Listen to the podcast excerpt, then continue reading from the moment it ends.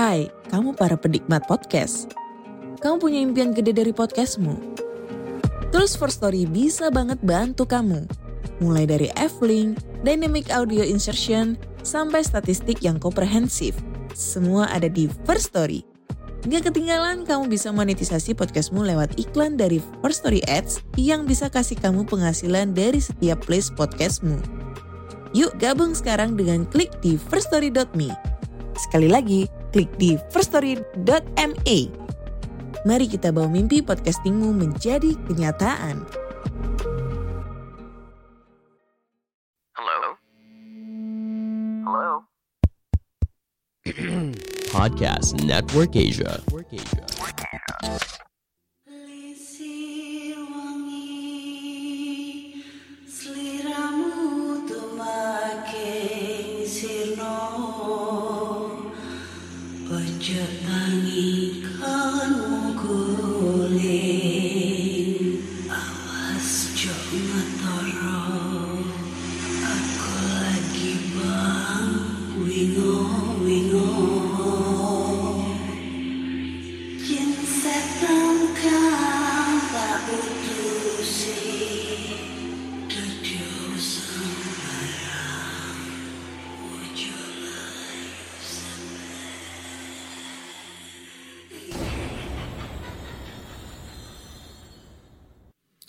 Hai Re, ya apa kabar Ketemu lagi dengan aku si Ana di podcast kisah horor. Kita bertemu di episode 200 berapa ya ini ya? 12 atau berapa? Lupa. Pokoknya episode 200 lebih gitu ya. Dan di episode kali ini akan bacakan cerita horor ataupun email berhantu yang sudah dikirimkan teman-teman melalui podcast kisah horor at gmail.com atau di Instagram podcast kisah horor serta Google Form yang linknya tersedia di bio Instagram podcast kisah horor. Di episode kali ini eh, aku mau minta maaf sebelumnya kalau misalnya kayak kedengaran suara gerusak-gerusuk gitu ya kan. Terus ada suara motor lewat, mobil lewat gitu. Soalnya aku kan rekamannya nggak pakai biasanya gitu ya, nggak pakai laptop, pakai handphone doang. Jadi agak kayak noise banget. Karena sekarang aku posisinya lagi ada di parkiran rumah sakit umum di Surabaya gitu karena lagi nungguin orang tua yang lagi sakit ya udah biasa ya kalau misalnya ada orang apa kalau orang tua aku sakit tuh biasanya aku yang nungguin gitu kan jadi eh, nggak bisa rekaman di rumah pas kebetulan ini tadi ada keponakanku gitu ke sini ya udah aku suruh nungguin bentar terus aku rekaman sebentar gitu di luar gitu buat nemenin kalian semua ya Alhamdulillah bapak gua udah nggak apa-apa, udah sehat. Besok pagi udah pulang. Harusnya sih ini tadi malam ini, cuma karena di Surabaya tadi itu hujan deras banget, hujan lebat. Jadi eh, kita minta eh, pulangnya besok pagi gitu. Ini sebenarnya horor juga sih, karena ini di sini sek- sekarang udah sekitaran jam 11-an. Terus tahu sendiri ya rumah sakit itu bagaimana guys. Ini adalah rumah sakit umum yang di Surabaya itu rumah sakit umum itu ada berapa ya? Pokoknya rumah sakit umum di Surabaya Barat lah. Pasti kalau orang Surabaya pasti tahu lah di mana itu. Itu wah gila serem banget kalau malam. Nah, itu ada motor lewat. Biasa orang apa ini ya motor-motor orang yang nungguin gitu, nunggu pasien gitu deh pokoknya jadi gue nggak mau lama-lama di sini sebenarnya bukan gue takut cuma karena eh, posisinya nggak nyaman juga di dalam mobil ngap takut mati kepanasan ya walaupun suasananya hujan dingin tapi kan gue harus tutup jendelanya gitu biar nggak kebegitu apa ya biar nggak begitu kedengaran suara kendaraan anjay Ya udah deh, langsung aja kita bacain bacain cerita nih. Udah mulai horor soalnya di sini, serem anjir. Ini udah jam 11 lewat 15-an lah. Gila, horor banget. Oke. Ah. Dan cerita pertama ini Datang dari Rizky yang minggu kemarin udah kirim cerita ya. Ini dia kirim cerita lagi kebetulan ngirimnya atas bawah gitu ya. Jadi gua bacanya itu sesuai urutan, nggak mau ngacak gitu ya. Judulnya adalah kejadian saat persami. Wah, persami lagi nih. Ya, kalau persami mah nggak jauh-jauh dari itu-itu ya horornya. Haha. Oke. Halo lagi Kak Ana. Perkenalkan, saya Rizky dari Kediri. Kali ini saya mau bercerita lagi tentang pengalaman saya saat persami pramuka di sekolah, tepatnya pada masih SMP. Lokasi sekolah saya memang sangat angker dan dihimpit tempat yang menurut saya menyeramkan. Di sisi kanan sekolah ada bangunan sekolah SD yang sudah kosong lama karena pernah ada kejadian bunuh diri. Di sebelah kiri ada makam keramat dari seorang ulama di sekitar lokasi tersebut dan sering terlihat penampakan sosok orang berjubah putih. Lalu tepat di depan sekolah ada kuburan umum yang tempatnya juga terasa hawa negatifnya karena dihimpit kumpulan pohon bambu yang sangat tinggi. Belakang sekolah itu kebun pisang yang sangat luas. Oke, selesailah penjelasan tentang posisi sekolah saya. Lanjut ke cerita. Saat persami itu saya masih kelas 7 dan wajib untuk ikut. Acaranya dimulai jam 2 siang. Dan pas mau menjelang maghrib kakak kelas iseng-iseng nyalain lagu Lingsir Wengi pakai speaker. Dan ada yang bawa dupa juga. Kemenyan. Lalu disebar di sekitar sekolah. Anjir kaget gua daun jatuh. Lantas habis maghrib teman saya yang perempuan tiba-tiba kesurupan mungkin karena efek tadi yang disebabkan eh, kakak kelas yang iseng bawa benda-benda yang bisa mengundang setan dan sampai jam 7 satu persatu siswa mulai kesurupan juga ada yang manjat pohon, ada yang nyakar-nyakar sampai ada yang bikin siswa lainnya terluka parah karena diserang si anak yang kesurupan. Karena situasi yang makin buruk, aku pun diajak mencari barang yang disebar kakak kelas sama teman-temanku. Sebenarnya sih aku nggak mau karena aku penakut.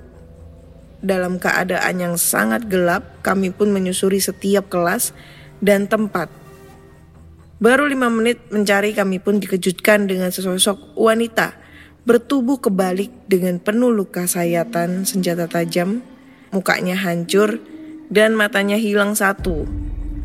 Kepalanya di bawah, badannya di atas, menggelantung di pojokan ruang kelas. Sebagian temanku lari sendiri-sendiri. Aku sebenarnya mau lari, tapi rasanya kaki kayak ditahan sama sesuatu. Tinggal aku dan tiga orang temanku. Tiba-tiba sosok menyeramkan itu hilang jadi asap hitam. Setelah kejadian, kita masih lanjut cari barang yang dibawa kakak kelas. Sesampainya di bagian belakang sekolah, kita ingin mengambil dupa yang tersisa. Namun, lagi-lagi kita semua nampak banyak pocong yang lagi eh salah, yang mengintip di balik pohon pisang. Tidak hanya satu, tapi ada lima sekaligus. Sontak aku berteriak sambil lari terbirit-birit. Aku pun sampai di kantor kepala sekolah. Ternyata Pak Kepala Sekolah aku sudah mendatangkan seorang yang katanya dukun.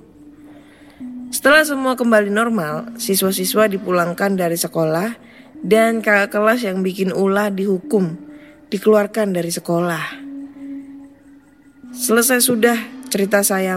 Mohon maaf kalau ceritanya membosankan dan ada salah tanda baca terima kasih atas perhatiannya. Semoga bisa menambah dosis horor para pendengar. Untuk ke anak pribadi semoga cepat dapat jodoh. Kalau nggak ketemu-temu aku juga nggak apa-apa. Semoga sukses podcastnya. Ha, rayu loh. Oke, okay. thank you. Siapa tadi namanya Rizky ya buat ceritanya. Uh, ini cerita kedua dia gue mau komentar dari mana ya? Gue mau matahin ceritanya dia tapi nanti takut dihujat sama netizen lagi ya. Jadi ini gue berpen gue bilang sih ya ini ceritanya bukan halu bukan apa ya. Tapi eh agak ngebosenin. Bukan ngeboseninnya tuh bukan ceritanya ngebosenin tapi temanya temanya. Tema ceritanya tuh karena s- banyak banget nih di podcast kisah horor yang cerita pengalaman horor waktu persami waktu kemah. Ini gue bisa bilang gini, gini kenapa? Karena dulu waktu gue masih sekolah eh, waktu gue ngadain persami juga tapi nggak di sekolah. Persaminya itu di luar gitu kan di suatu kayak bukit perkemahan gitu di daerah Jawa Timur gitu kan. Hmm, ada temanku yang kesurupan. Nah temanku saya yang satu ini kesurupan beneran. Terus tiba-tiba jadi kesurupan massal.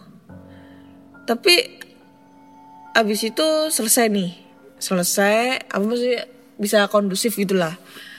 Habis itu pas jerit malam itu kan kesurupannya sore. Terus jerit malam itu kesurupan lagi. Gue masih lupa lupa inget sih sebenarnya. Soalnya ini kejadiannya waktu SMP jadi waktu jerit malam itu ada yang kesurupan lagi gitu tapi kesurupannya itu beda orang bukan anak yang kesurupan tadi sore ini beda orang Nah, habis itu sa ada dua siswa gitu yang kesurupan lagi. Cuma yang dua siswa ini cowok, sedangkan yang kesurupan pertama itu cewek.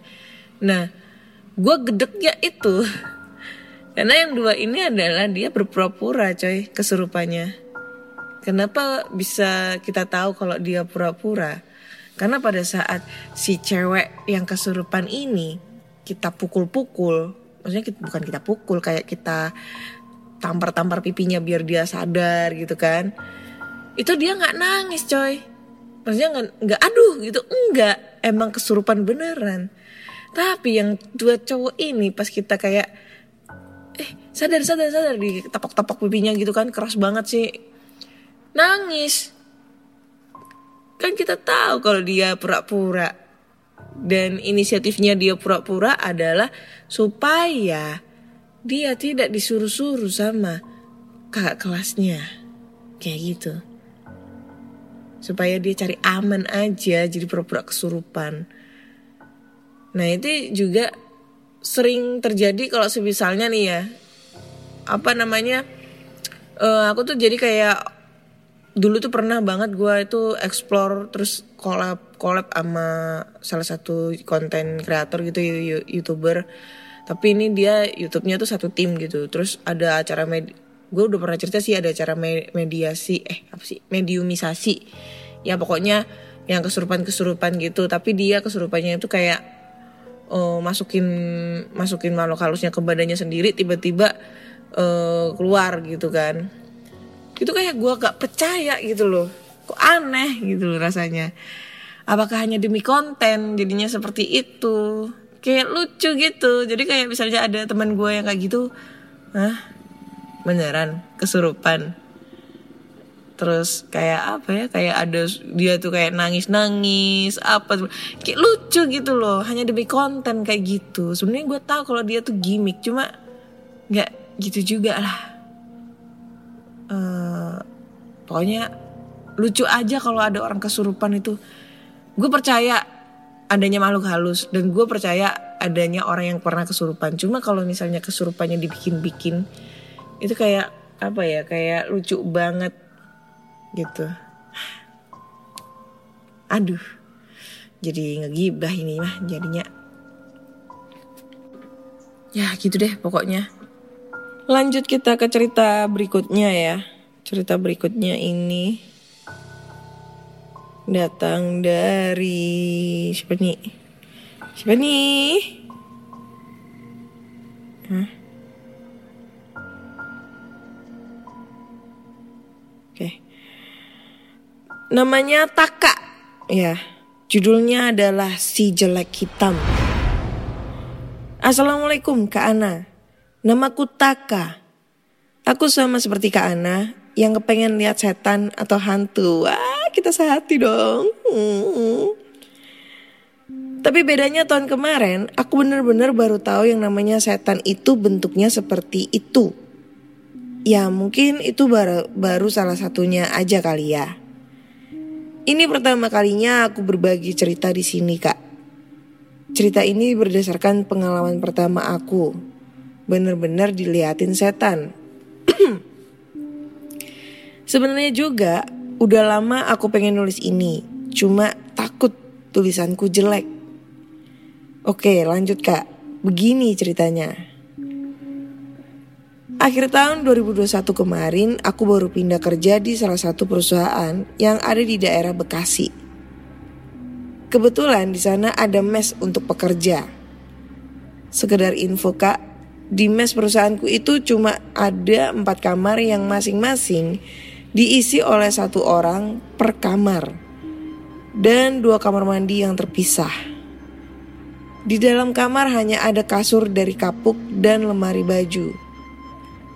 Aku tinggal bersama tiga orang temanku sebut saja si A, si B, dan si C. Kebetulan kami semua orangnya toksik dan cepat bergaul. Meski baru bertemu sekali, eh sehari. Hari pertama aku tinggal di mes itu sih biasa aja ya kak. Nggak ada yang janggal ataupun berasa nggak enak. Tapi di hari kedua di saat aku pulang ke mes, kira-kira jam 10 malam. Aduh motor ini rek suaranya. saat aku membuka pintu kamar, kurang ket mas, kurang ket. Sampai mana tadi ya? Saat aku membuka pintu kamar, tercium bau anyir yang menyengat sekali. Tapi anehnya, saat aku meminta si B untuk membantu mencari sumber bau tersebut, dia tidak mencium bau apa pun di kamarku itu. Malah dengan sepelenya dia bilang, mulut lo kali deket sama hidung. Sambil tertawa terbahak-bahak sampai tersedak. Karena cuma aku yang mencium baunya, ya aku pikir aku cuma kecapean aja kali ya. Jadi agak sensitif. Lalu aku bergegas mandi karena sudah larut malam. Saat aku lagi asik mandi, ada yang menggedor atau melempar pintu kamar mandi dengan sesuatu karena bunyinya kencang sekali. Aku kaget. Lalu aku refleks berteriak, "Woi, kon, tol, yang sopan dong." Pelan-pelan, eh apa sih? Pelan-pelan bisa kali. Tapi anehnya tidak ada respon sama sekali. Lalu dengan cuek aja aku melanjutkan aktivitas mandiku. Setelah selesai aku cek kamar mandi sebelah. Ternyata kosong. Lantainya pun kering. Lalu aku lihat kamar temanku yang lain pintunya masih terbuka. Aku coba tanya ke mereka yang ternyata lagi asik mabar Mobile Legend.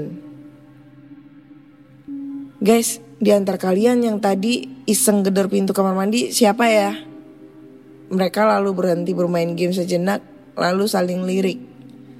Lalu lanjut bermain lagi dan si A menjawab, Ngigo lo ya, kita dari tadi sehabis pulang kerja tuh langsung ngatur formasi mabar.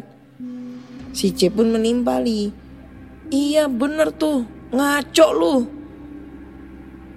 Si B ikut menjawab. Setan kali. Kita-kita sih dari tadi gak ada yang bergerak. Mau beli rokok aja mager. Apalagi mikirin jailin lo. Ucap si B ngegas. Lalu aku mikir, masa iya setan? Karena di antara mereka tidak ada yang merasa jahil, jadi agak sensi mereka pas aku tanya kayak gitu kak. Aku lanjut balik ke kamar buat rebahan dan dengerin PKH sampai ketiduran. Uh, wah. Entah berapa lama di saat aku sudah terlelap, aku tiba-tiba dikagetkan dengan suara teriakan yang melengking keras sekali di telingaku. Sontak aku terkejut dan membuka mataku. Dan sialnya, di saat aku membuka mata, aku lihat di atas aku ada makhluk besar hitam Postur tubuhnya mengikuti postur tubuhku yang celentang saat tidur. Matanya besar sebesar jambu, wajah yang rusak dan bersimbah darah.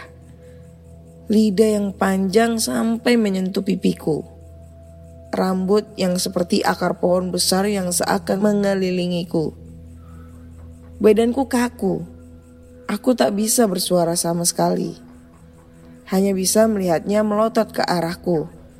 Yang semakin lama, semakin mendekati wajahnya hingga hampir sejajar dengan mukaku. Lidahnya yang hampir menutupi seluruh mukaku dan hanya tersisa mataku yang masih tak bisa tertutup meskipun aku ingin. Dalam hatiku berkata, Ayo berantem anjing, lo kira gue takut ha? Tapi aku tetap tak bisa bergerak sekeras apa pun aku mencoba. Entah berapa lama aku ada di posisi itu, saking lamanya aku udah pasrah. Hingga akhirnya terdengar lantunan pujian-pujian yang biasanya dilakukan sebelum azan subuh. Makhluk itu pun perlahan menjauh dan semakin menjauh. Tepat di saat azan subuh mulai berkumandang, makhluk itu pun hilang. Aku pun akhirnya bisa bergerak seperti semula basah air keringat di seluruh tubuhku sampai rembes ke kasur. Aku yang entah mengapa tidak terbesit rasa takut sama sekali pada makhluk tersebut. Malah aku mengumpat kata-kata kasar ke makhluk tadi. Anjing, babi, kontol, bangsat, ngentut, gitu kan. Keluar lagi lo kalau berani, ngentut. Beraninya nongol doang.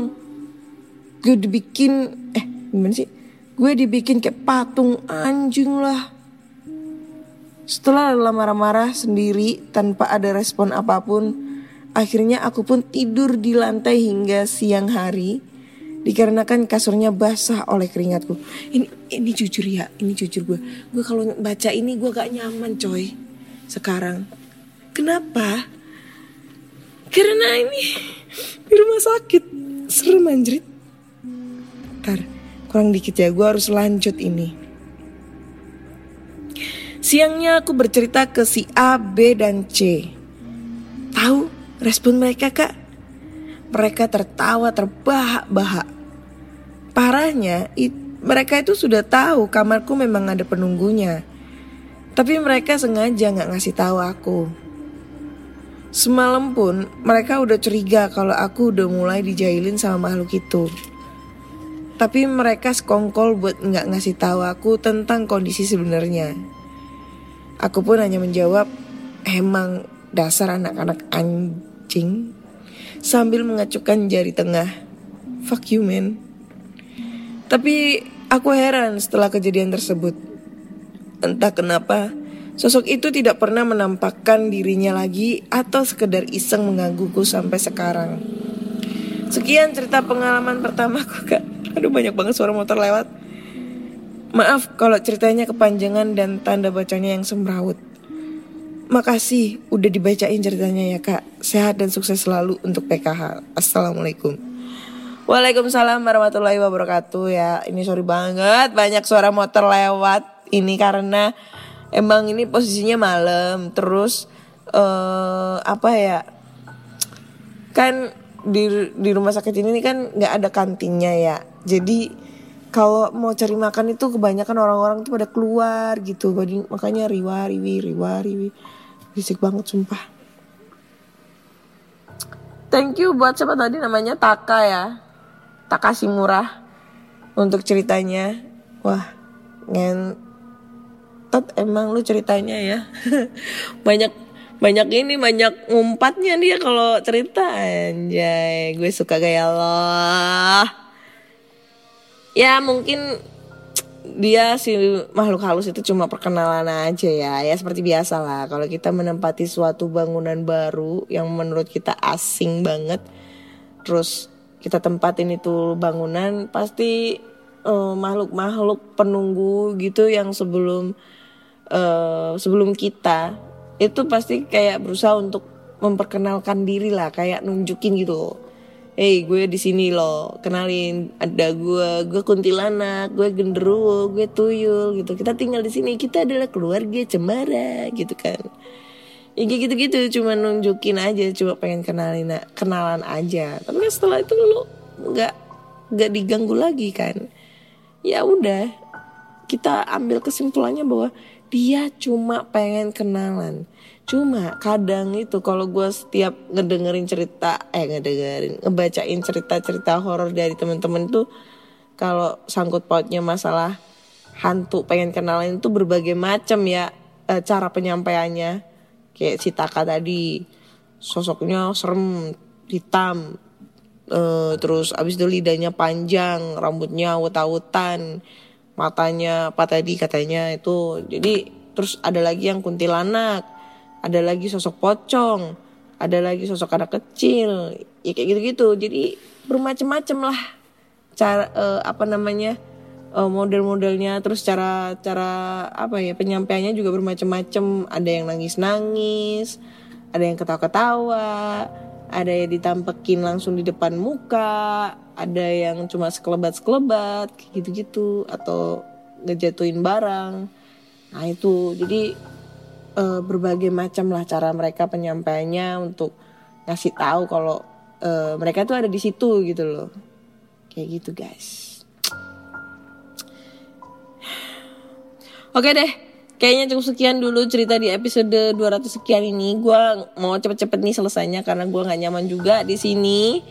Gue bukan karena takut tapi ini jujur banyak banget kendaraan lewat jadi gak nyaman. Terus habis itu kan kondisi orang tua kan lagi sakit jadi gue harus cepet-cepet masuk ke kamar takutnya pas kenapa-napa ya yang dibutuhin gitu kan. Jadi gue harus balik gitu guys tadi gue sudah sempat explore nih rumah sakit cuma emang rumah sakitnya ini kecil ya. Rumah sakit umum pembantu dari dokter Sutomo itu jadi gak begitu luas. Tapi gue pernah explore di rumah sakit dokter Sutomo. Wow seram. Kayak gitu guys. Oke okay, Buat temen-temen nih, kalau kalian punya cerita horor nih, kalian bisa langsung aja kirim ceritanya ke podcast kisah horor at gmail.com atau DM Instagram podcast kisah horor serta Google Form yang lainnya tersedia di bio Instagram podcast kisah horor. Jangan lupa dengerin podcast kisah horor di Spotify, Google Podcast, Apple Podcast, Noise, Pogo, dan sekarang sudah ada platform baru yang namanya Reso, ya, Reso, Re, Reso opo-opo, eh, bukan itu Raiso opo-opo.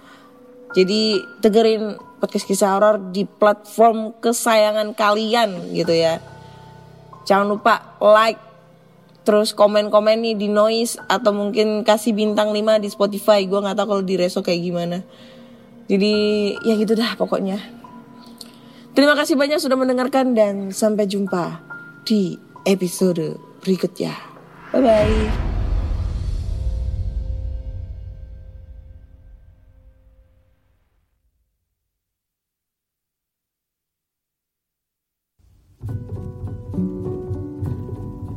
Pandangan dan opini yang disampaikan oleh kreator podcast, host, dan tamu tidak mencerminkan kebijakan resmi dan bagian dari podcast Network Asia.